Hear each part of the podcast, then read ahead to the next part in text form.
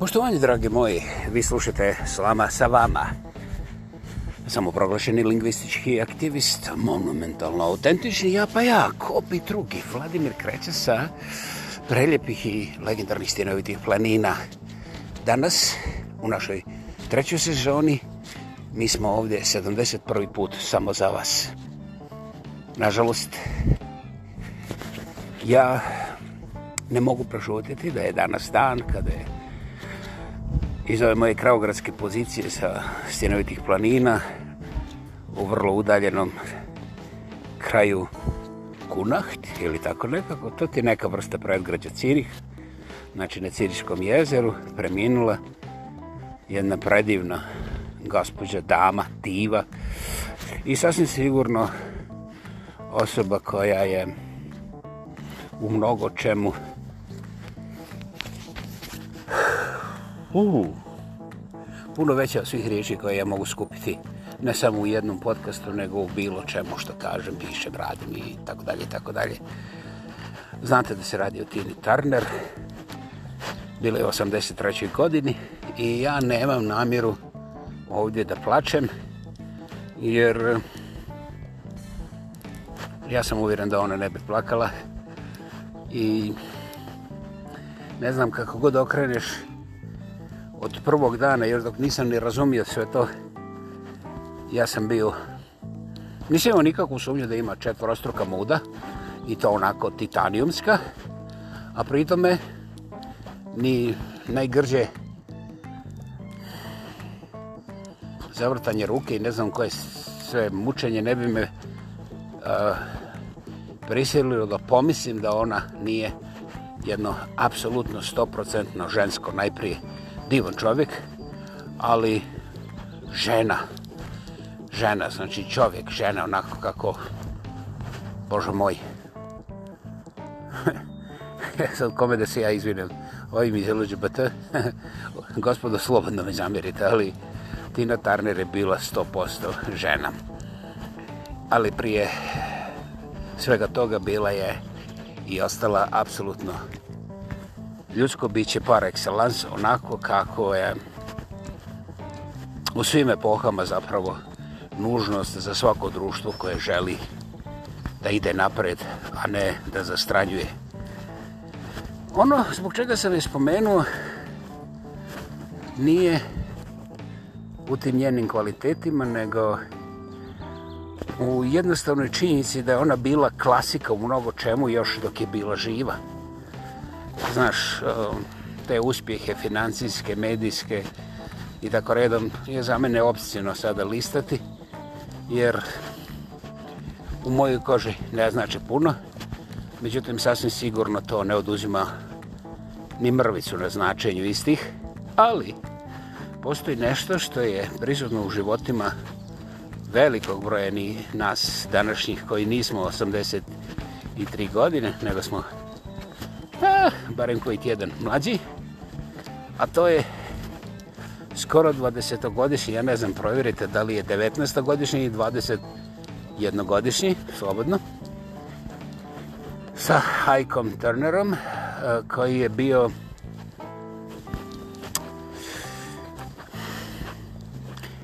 Znaš, da ne bi govorio neke druge riječi, reći, ja ću reći e, mirne duše, da je on bio jedan uh, nasilni pervert, vrlo nesretna osoba, ali vrlo zlobna i razorna osoba također, čiji muzički talent svakako nije bio marginalan i značio je puno tini, međutim, taj čovjek je tini uradio sve ono porade čega se ovi dokon i LGBT žale da im čini društvo. I Tina Turner je uzela stvari u svoje ruke, a tu ja imam samo jednu, samo jednu grozomornu primjedbu. Oni nisu živjeli u Prnjavoru, koliko se ja razumijem, pa čak ni u Bangladešu, a ni pošto u Iraku. Dakle, vjerovatno zbog toga ove demokratske snage iz Washingtona koje donose slobodu i demokraciju cijelom svijetu, nisu mogli vidjeti u svojoj kući jedno monstruozno iživljavanje koje je bilo često puta i na televiziji i e, svakako u javnosti. Ali eto, ti demokrate, amerikanci, nisu mogli nikako da primijete kako jedna žena biva tretirana tu ispod njihovog nosa, ispred kamera, ispred hollywoodskih svetala, kao žohar. Da, žohari su imali nekakav status, Tina Turner nije imala nikakav. Kako je ona proživjela jednog Ajka Turnera, još uvijek ostaje magija ako pokušate čitati i tražiti šta se sve tu dešavalo. Um,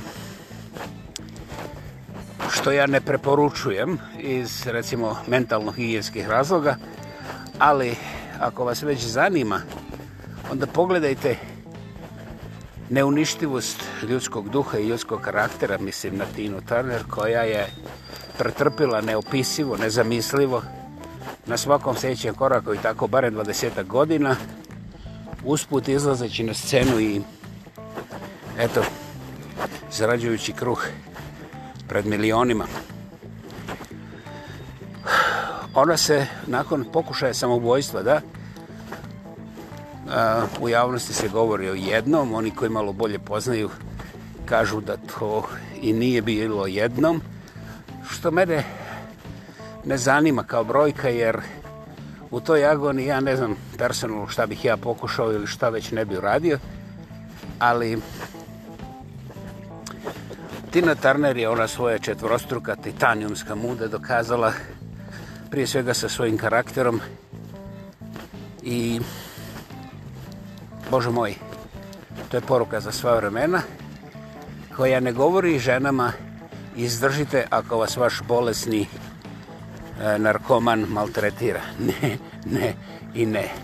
Ali je to poruka da postavite pitanje svim svojim političarima, demokratama i drugim oslobodiocima, naravno i svojim svećenicima, kako je moguće da bilo koji muž bilo koji, ne ovaj Tine Turner, nego bilo koji, Pero, Ivo, Ante, George, da umlaćuje svoju ženu kao žohara i da niko iz okolice ne razumije o čemu se tu radi, da, da, da oni maltene njemu aplaudiraju jer on ju kao dovodi u red.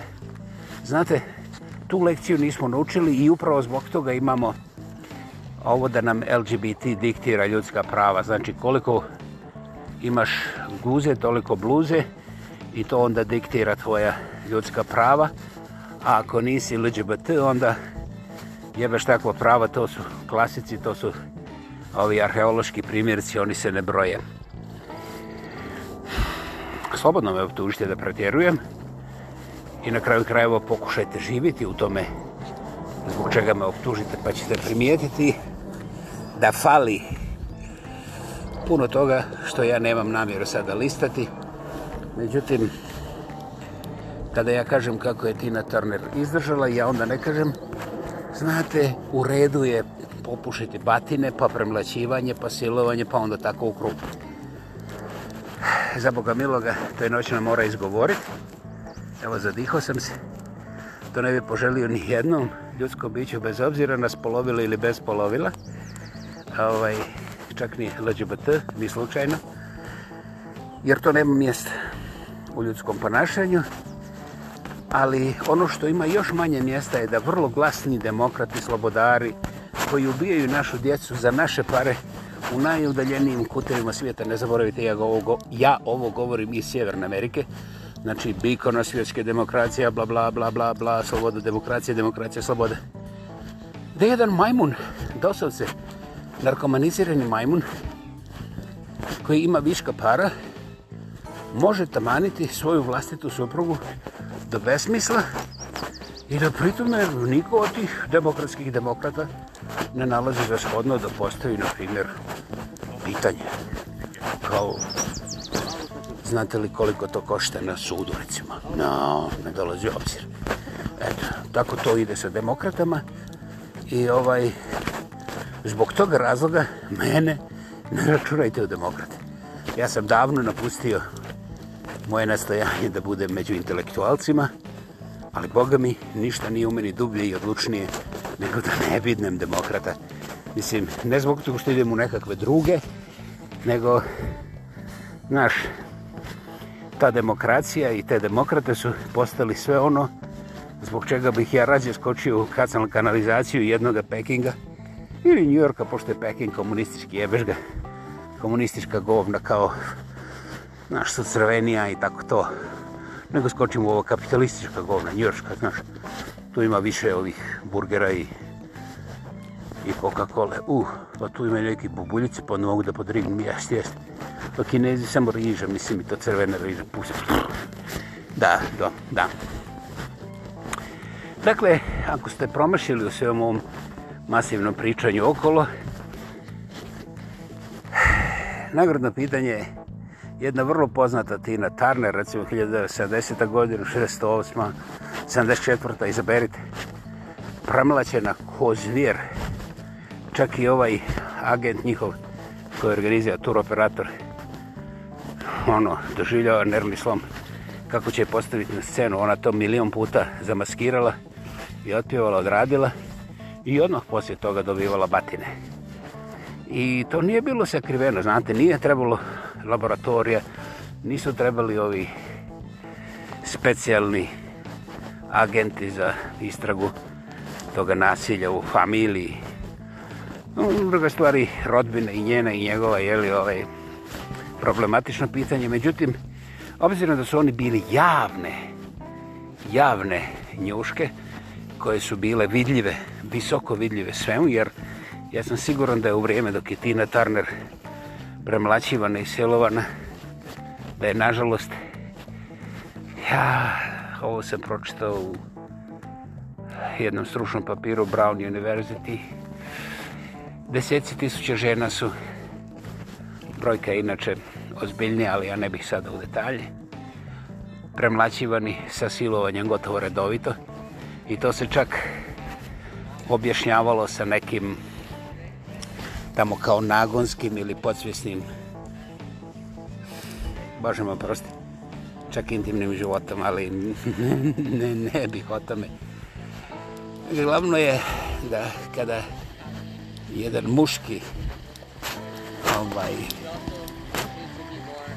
kada taj jedan muški nalete, evo još jedan u parku snima nešto radi.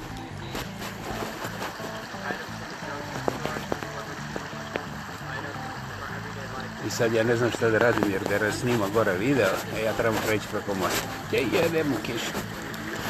Uglavnom, mene zanima gdje je sistem bio. Taj isti sistem koji danas apsurdne izmišljotine. Did I interrupt? Yeah, you go. Thank you. Ovaj,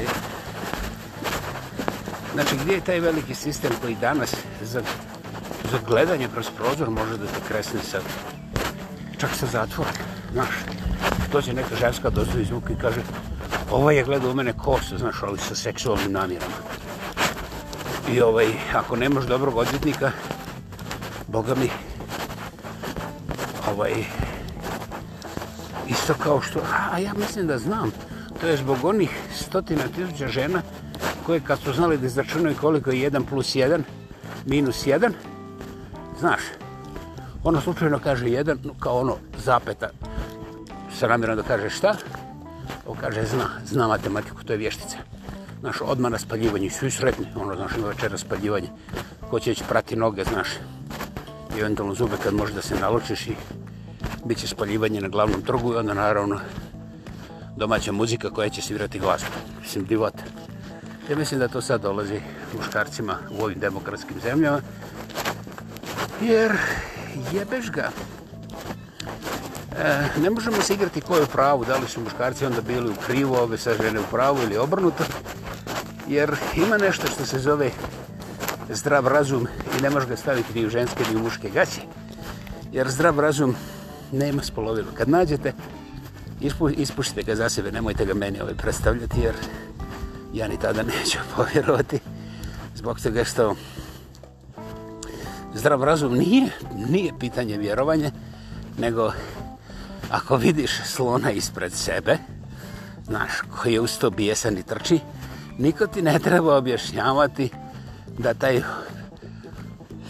tupi tum, tum, ovaj proizvodi vibracije i da možda si ti hrabar, ali tvoje kosti se tresu od te vibracije, jer je slon vrlo blizu, i vi ste na nekakvom jebenom mostu koji može svakog momenta da se sruši. Dakle, taj zdrav razum ne odluči onda da li je slon muški, a ti si ženski ili obrnuto, nego jednostavno kroz to zveckanje kostiju ti kažem Rođo, ili gineš ili skačeš. Ako sačekaš ovu zvijer, hm, to će biti tvoje zadnje sačekavanje. Mislim, dakle, bez riječi zdrav razum je upravo to. Bez riječi, bez polovila. I ovaj, kontaktira vanjski svijet sa očima ili sa kostima. Čak niti ovaj, sa nekakvim funkcijama mozga. Nema toga. Zdrav razum ne treba objašnjenje dokaze i velike puste libre u kojima piše da ako ovo, onda ovo pod uvjetom, onim da bi se desilo ovako. Ne. Mi smo zdrav razum u takozvanom modernom društvu toliko izvetoperili da više ne kvalificira čak ni za perverziju i zbog toga činjenično i intelektualno zrelo je u stvari za budale, znaš. Ono, ovaj, jer sve se zove biznis ili politika i onda čim možeš da uglaviš ovo ovdje, naglaviš ovo tamo, priglaviš ga ovdje i onda samo prvi vrisneš da ga stisneš. Mislim, dugmić. I završeno je s ovim drugima. Dakle, ta nepodnošljiva lakoća laganja je upravo sada na svome maksimumu i ovaj odlazeći tini ja mogu samo skinuti šešir i diviti se. To je jedino što mogu jer ne vidim načina da bilo šta ispravim, ali mogu, evo, kao što sam to ovdje radio, da glasno kažem gdje je bio taj sistem najdemokratskih demokrata koji su sa svim mogućim kamerama imali pristup u nešto što im se inače dešavalo pod nosem i jedan veliki dio toga uopće nikad nije bio sakrivan. Ovaj, svi su okolo znali, ali niko se nije usudio da jednom rockeru i narkomanu i alkoholičaru i sileđi da mu priđe i da mu kaže budalo smanji gas ili na primjer mrš odavde i ako se porjaviš onda ću ja tebi prirediti samo 10% od onog što si ti radi njoj pa onda nećeš imati priliku da vidiš izgubit ćeš oči u prvom postotku teh 10%. To se, nažalost, nije dogodilo, a ono što je žalostnije, mi znamo primjere iz naših vlastitih susjedstva gdje je življavanje cvjeta, bez obzira na zakone, na osiguravajuće društva i ove razne odvjetnike koji znaju to da postave. Međutim, takve odbrane i takve zaštite su moguće samo kod nekih. A ti neki su oni koji imaju dovoljno novca ili su daleko nadprosječno bezobrazni i znaju da izmišljaju, da kreiraju situacije koje nisu nikad postojale. Dakle, opet imamo kancer zdravog razuma i ja se nadam, ja se stvarno nadam da će barem ovaj podcast doprinjeti tome da možda jedan, pa i dva čovjeka ili čovječica, svejedno mi je šta imate u gaćama, pomiri malo bliže i primijeti kako je sistem bio true onda, a danas je, hvala na pitanju, još truliji. Dobro ste čuli, još truliji. I naravno da je to ona trulež koja nas zakida za naš vlastiti život. A Bože moj, ratove proizvodi onako na serijskoj vrpci, ono, bez ikakvih ograničenja. I naravno, sve je to za demokraciju i slobodu. Baš danas sam razgovarao sa čovjekom koji priča, znaš, o tim demokracijama i slobodama. Evo, ta najdemokratska demokracija od svih demokracija koje su ikada se demokracijama zvali, ima 50 miliona gladnih. Dobro ste čuli, 50 do 70 miliona Amerikanaca u Americi, je ispod međunarodnog a taj međunarodni se odnosi na sjevernu hemisferu znači Evropa i, i Amerika ali taj međunarodni indeks je dovoljno da kaže da 50 do 70 miliona amerikanaca unutar Amerike su jadi bijeda sirotinja a najmanje 20 miliona od njih su gladni interesantno slična brojka pripada i prebijenim ženama koje su na sve moguće način maltretirane i pošto nemaju novca da se brane, ovaj, svaka na svoj način isparava u različite oblasti, različite djelatnosti, neke se sakrivaju. To je već stvar koja ne potpada po sociološku fenomenologiju, to je vrlo jasna posljedica tih demokratiziranja da najkraće kažem, otkad su ta masivna oružja za supermasivna uništenja ova izmišljena kod Sadama Huseina, ta demokracija, demokratski aparat širenja demokracije i slobode Sjedinih američkih država je potamanio preko 5,5 miliona ljudi. Sada zamislite da je neko startao 2002. godine i da danas nema jednog čovjeka u Sloveniji i u Hrvatskoj, jednog i jedinog. Sve pobijeno, sve eksterminirano u cilju širenja demokracije. Ja sam, ja sam danas zaplakao, ni od sreće, ni od tuge, nego sam zaplakao jer to nisam čuo nikada prije. U jednom komentaru sam čuo da, redacted Clayton Morris redacted, to možete potražiti na YouTube-u ili recimo Clayton Morris, to je dovoljno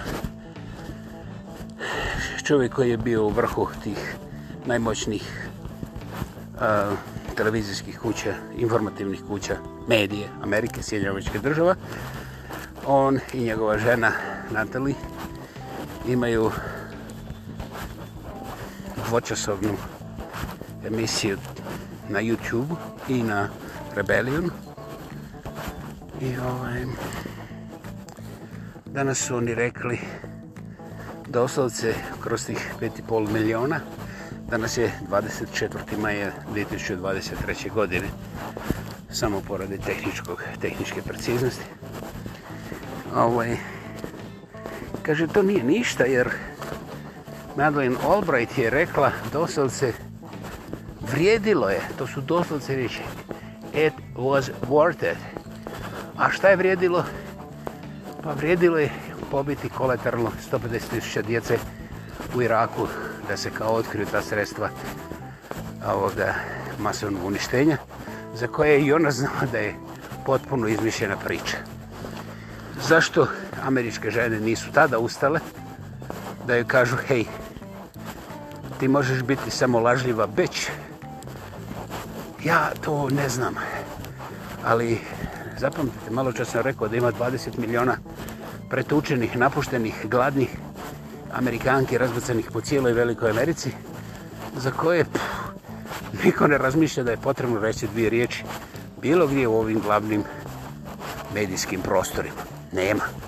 To nećete. Morate kopati da bi pronašli taj podatak. Ja je naravno nisam kopao i nisam pretraživo. Ali, eto ja držim otvorene uši pa čujem dosta toga i onda kasnije provjerim na tim mjestima i na nekim mojim i ispostavi se da moj zdrav razum još uvijek nije eutaniziran potpuno. Dakle, to je prostor koji je za vas slobodan. Ja ovdje ne širim demokracije i slobode. Međutim, činjenice koje iznosim su provjerljive. I to lako provjerljive. Naravno, ako vi to pokušate provjeriti u komunalnom glasniku gornjeg prljavora ili recimo donjeg vakufa, može se desiti da nemate tu širinu, ali ako odlučite da koristite recimo kako se to zove? Internet? In, iz, iz, iz, izmet, met? Internet? A, internet!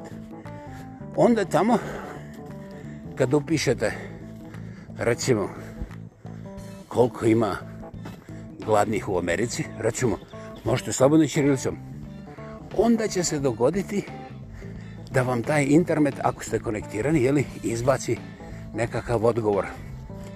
Pa pogledajte više od jednoga i onda će vam se desiti uf, taj moment kada joj, pa ja nisam baš tako mislio onda vam se može desiti drugi moment koji ću vam je reći prije tog prvog, a to je, ljudi moji, najgori način samoubojstva je kada vi vjerujete da mislite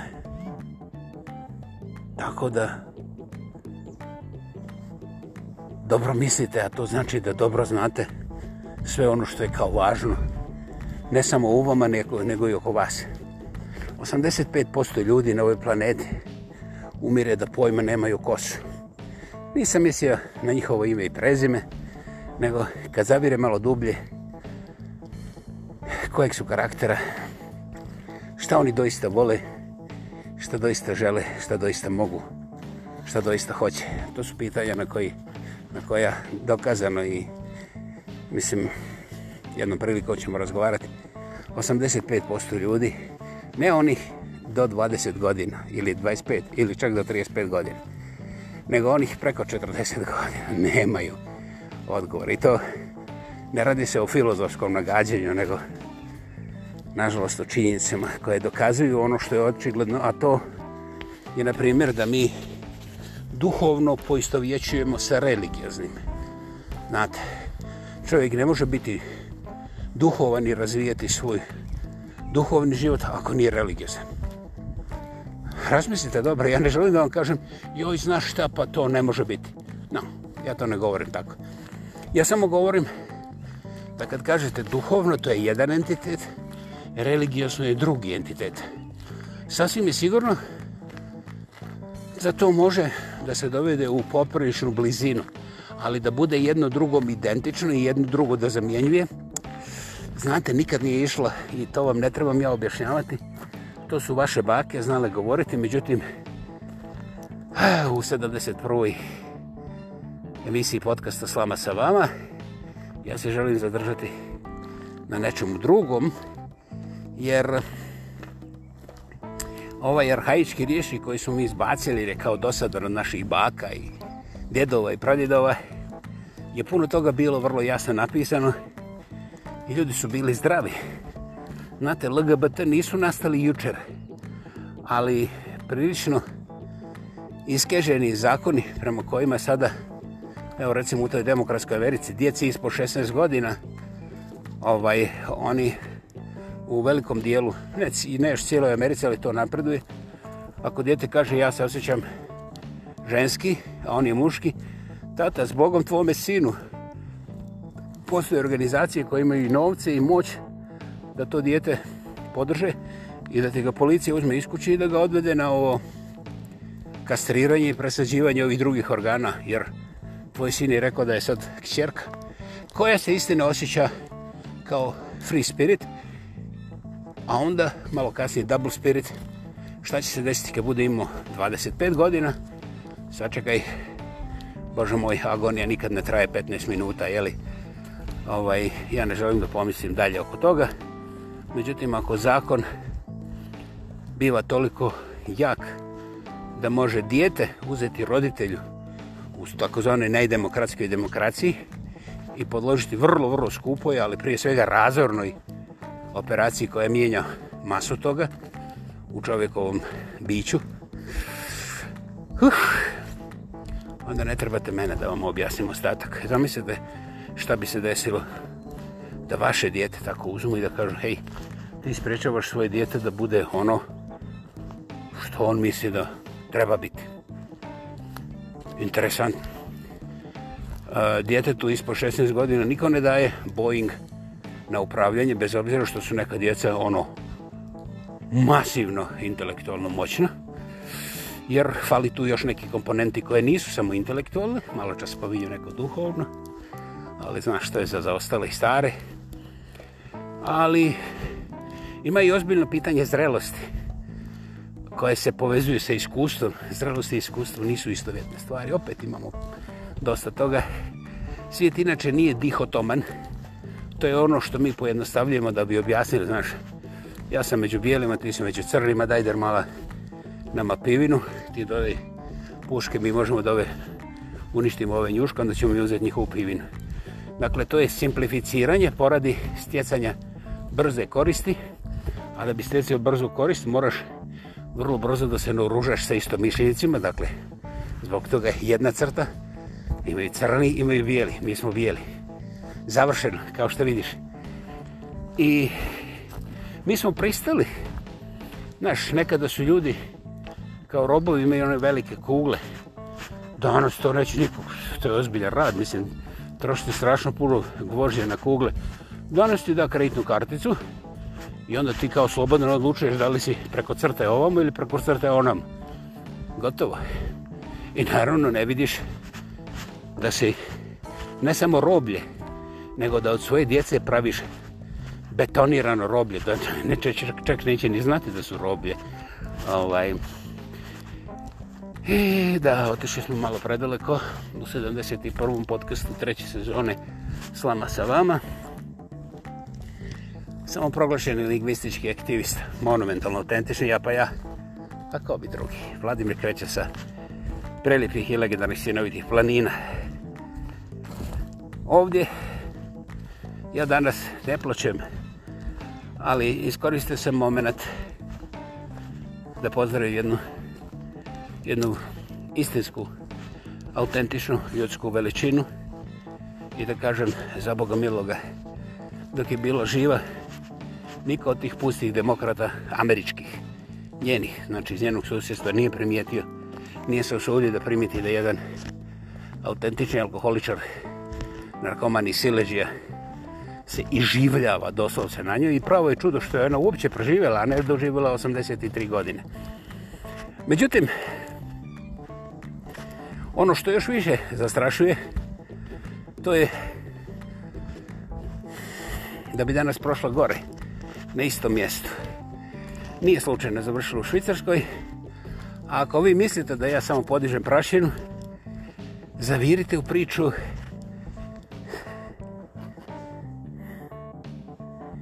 Ja, ima ih puno, ali eto, da opet ne idemo puno daleko.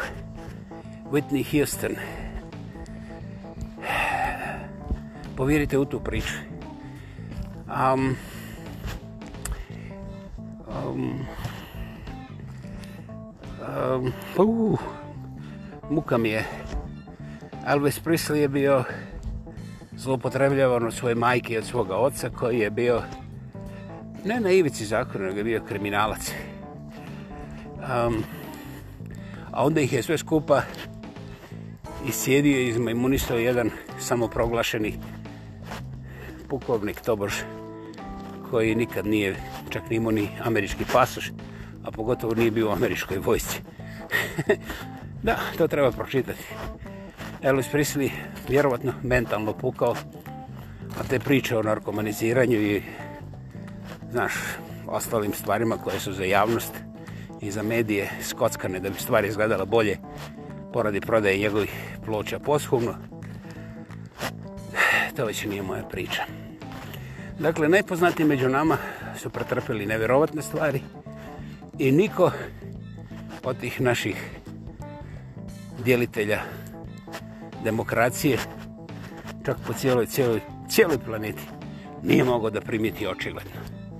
Znate, imajte to na umu, jer ako niko nije mogao da primijeti, a samim tim, jer ako primiti, onda mora nešto da uradi, jel'i? Pa znači nisu radili nešto jer tako je otišao Whitney Houston, tako je otišao taj nesretni Elvis Presley puno ranije. Um, Tina Turner je od svih tih maltretiranih izdržala najduže, mislim, ono, stvarno izdržala najduže. Ako imate neko koji izdržao duže, javite. Ovaj, znači, ako poznate, najpoznatije osobe među nama u tim najrazvenijim društvima mogu biti silovane, maltretirane, pretučene i to bez posljedica za toga njihovog silovatelja, onda treba da se zamislite kako ta naše društvo rade. Znate, to je osnovna stvar. Onda nije nikakvo čudo da kada recimo bilo je to 2. marta, kada cijeli komandni kadar, a cijeli ne znači 100%, cijeli je kada izgubiš tri četvrtine. Znači 25% može da proživi, ali 75% je otišlo i ti si izgubio većinu. Dakle, desilo se nešto što je još uvijek neobjašnjivo za većinu prosječnih mozgova, to je da je jedna jedina raketa zaronila na 120 metara dubine i onda dole spržila 300 do 400 ljudi 2. marta ove godine u komandnom štabu Ukrajinske vojske u blizini Kijeva. Zašto to nije objavljeno, zašto toga nema u javnosti? A pa, gađajte, uh, to je puno kompleksno. Međutim, ako za 300 pobijenih generala, među kojima je bilo puno NATO generala, znači ne samo američkih, nego hoćeš njemačkih, poljskih, francuskih, velikobritanskih, znate, svi su oni isparili i oni se triangulacijom u javnom prostoru mogu pronaći kako su odjednom prestali da se pojavljaju.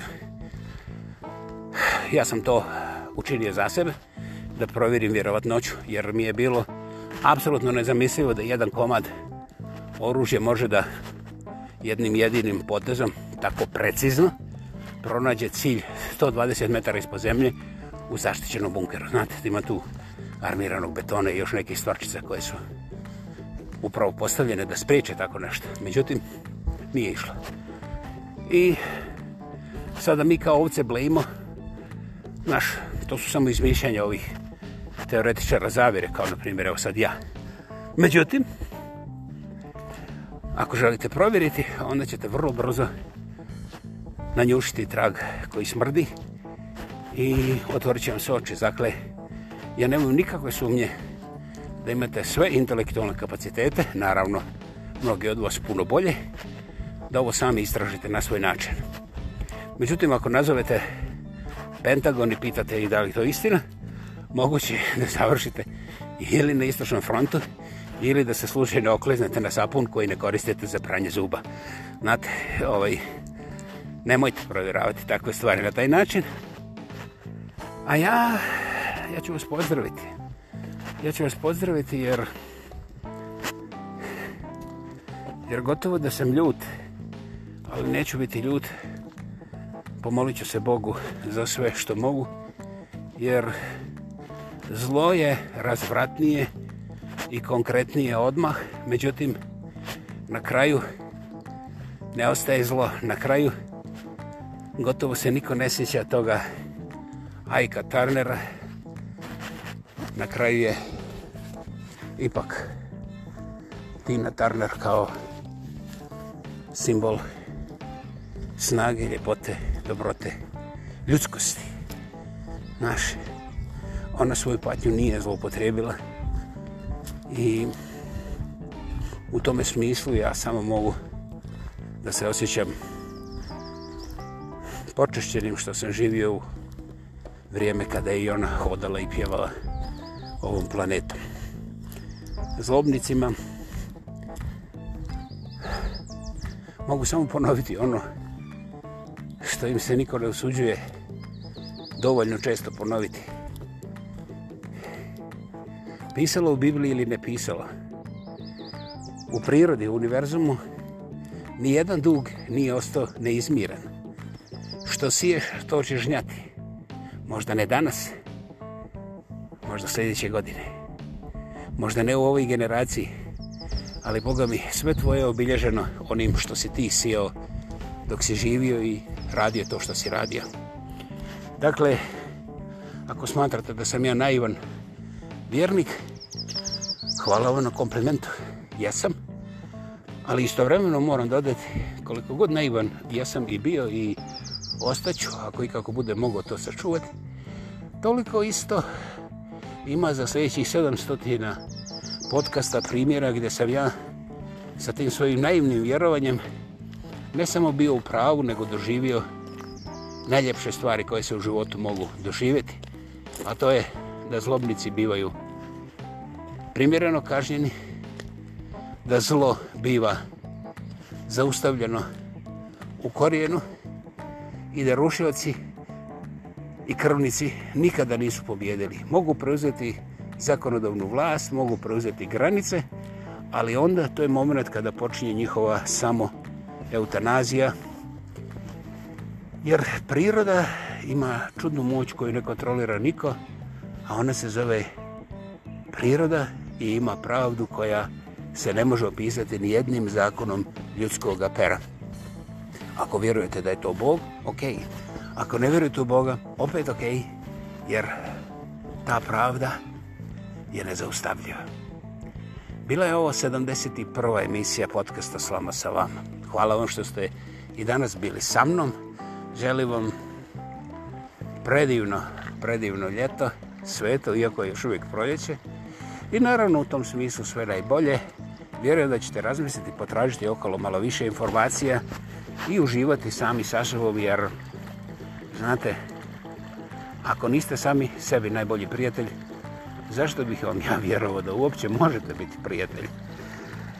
Meni je trebalo 50-60 godina da to skušim, ali Bogu hvala, izgleda da sam uferceron. Ni vama neće smetati, vjerovali ili ne. Pokušajte, sve će vam se samo kasti. Hvala, doviđenja i čujemo se uskoro.